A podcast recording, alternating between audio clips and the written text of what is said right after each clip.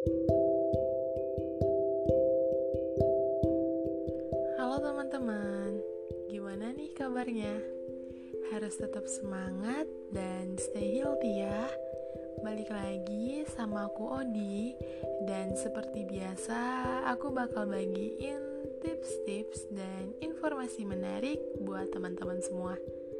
Nah, di episode kali ini aku mau bahas gimana sih caranya meraih perguruan tinggi negeri idaman kamu.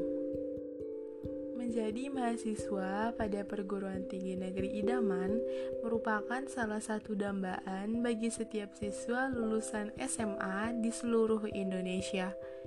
Hal ini dikarenakan selain biaya pendidikan, juga rasa gengsi yang besar jika menjadi mahasiswa di perguruan tinggi negeri tersebut.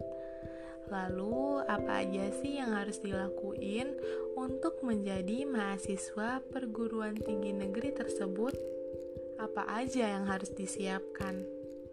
Nah, berikut tips dan trik yang bisa kamu lakukan untuk mendapatkan perguruan tinggi negeri yang sesuai dan idaman kamu. Disimak baik-baik ya. Yang pertama, kenali jati diri kamu sejak dini. Mengenali jati diri merupakan salah satu langkah yang dapat dilakukan oleh setiap orang. Hal ini dikarenakan jika seseorang telah mengenal jati diri dari awal, maka kecenderungan untuk mendapatkan perguruan tinggi negeri idaman tersebut akan semakin besar. Jati diri dapat dilakukan dengan sering berkonsultasi dengan pihak-pihak seperti psikolog dan juga guru bimbingan dan konseling yang terdapat pada setiap sekolah. Selain sering berkonsultasi, dapat juga dilakukan dengan membaca buku-buku dan referensi dari internet mengenai cara mengenali jati diri seseorang. Yang kedua, turutilah kata-kata dari hati nurani. Poin kedua ini terkadang sering dilupakan bagi setiap orang. Hal ini dikarenakan kebanyakan seseorang selalu ikut-ikutan dalam mendaftarkan diri pada jurusan-jurusan pada perguruan tinggi. Faktor yang mendasari hal tersebut adalah adanya ikatan pertemanan Justru hal tersebut merupakan sesuatu yang salah. Kemampuan setiap orang memiliki perbedaan antar individu lainnya. Maka dari itu, jika ingin mendaftarkan diri pada perguruan tinggi negeri, jangan sekali-kali mengikuti kata-kata yang diucapkan oleh teman. Boleh-boleh aja sih mengikuti kata teman, akan tetapi, anggap itu hanya sebagai referensi dan tetap pertimbangkan dengan matang mengenai keputusan untuk memilih suatu jurusan pada perguruan tinggi, khususnya perguruan tinggi negeri. Yang ketiga, kenali karakteristik jurusan yang akan kamu ambil. Pada zaman sekarang, banyak sekali informasi yang dapat diakses terkait dengan karakteristik jurusan pada perguruan tinggi. Sebelum mendaftarkan diri pada jurusan yang akan kamu ambil, alangkah baiknya mengenali setiap jurusan yang ada. Dapat dicari informasi terkait dengan mata kuliah yang akan ditempuh, lokasi kampus, kegiatan-kegiatan yang akan dilakukan. Selain itu, juga passing grade dari setiap jurusan dari tahun sebelumnya. Hal tersebut karena supaya kamu lebih mantap dalam memilih perguruan tinggi sesuai yang kamu inginkan. Yang keempat, perkuat materi pelajaran yang terkait dengan jurusan yang akan kamu ambil. Persiapan untuk mendapatkan perguruan tinggi idaman khususnya perguruan tinggi negeri dapat dilakukan ketika berada di bangku sekolah menengah atas atau sederajat. Hal ini dikarenakan materi-materi yang terdapat di bangku SMA tersebut merupakan bekal bagi calon mahasiswa dalam memperdalam materi ketika berada di bangku perkuliahan. Nilai dari kelas 10 hingga kelas 12 merupakan syarat dalam menentukan calon mahasiswa dalam mendaftarkan diri pada jalur penerimaan mahasiswa baru melalui jalur SNMPTN.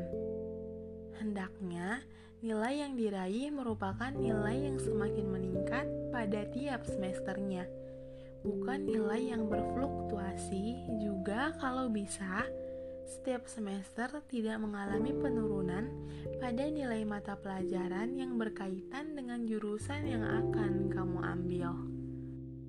Yang kelima, catat dan ingat jadwal pelaksanaan pendaftaran juga seleksi penerimaan mahasiswa baru.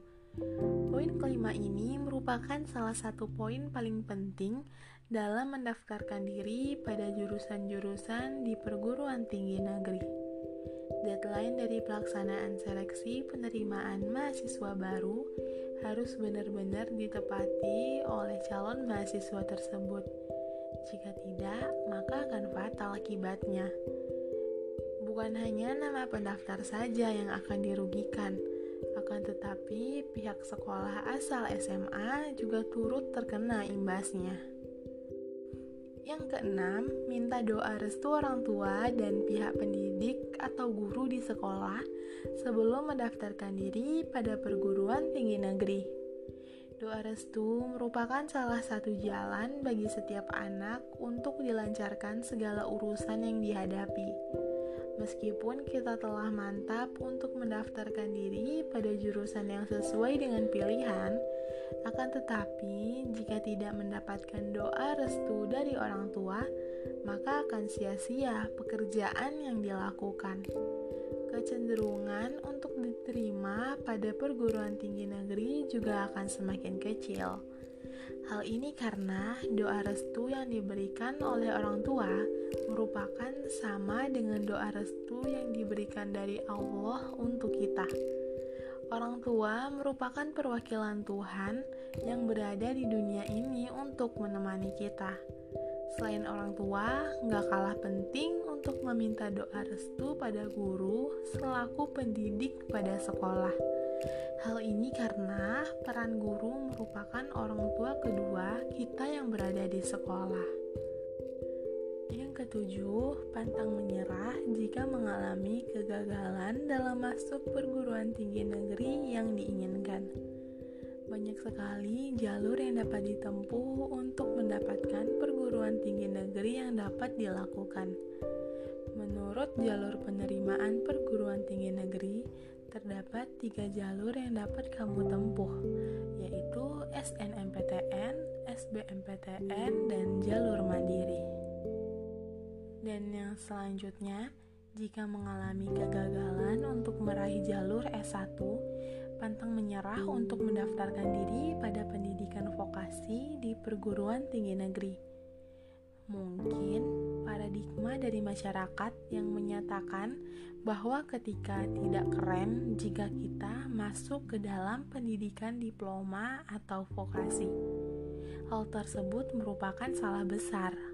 Kebanyakan dari masyarakat juga selama ini yang dialami sendiri bahwa masyarakat cenderung meremehkan lulusan dari pendidikan diploma.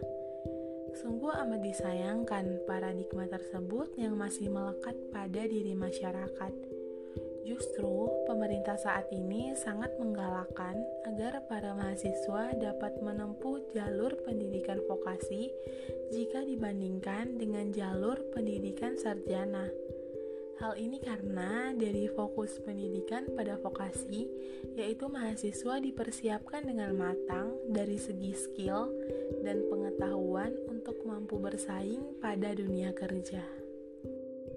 Dan yang terakhir, banyak berdoa pada Tuhan Yang Maha Kuasa.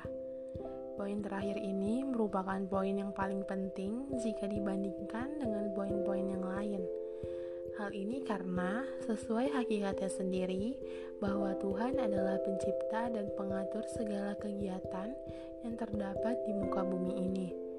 Oleh karena itu, perlunya kita mendekatkan diri pada Tuhan dan juga menyerahkan seluruh kegiatan yang akan kita lakukan kepada Tuhan. Semoga informasi yang aku berikan ini bermanfaat ya buat teman-teman semua. terutama teman-teman yang lagi berjuang buat dapetin perguruan tinggi negeri impiannya masing-masing. Semangat! Sampai jumpa di episode selanjutnya.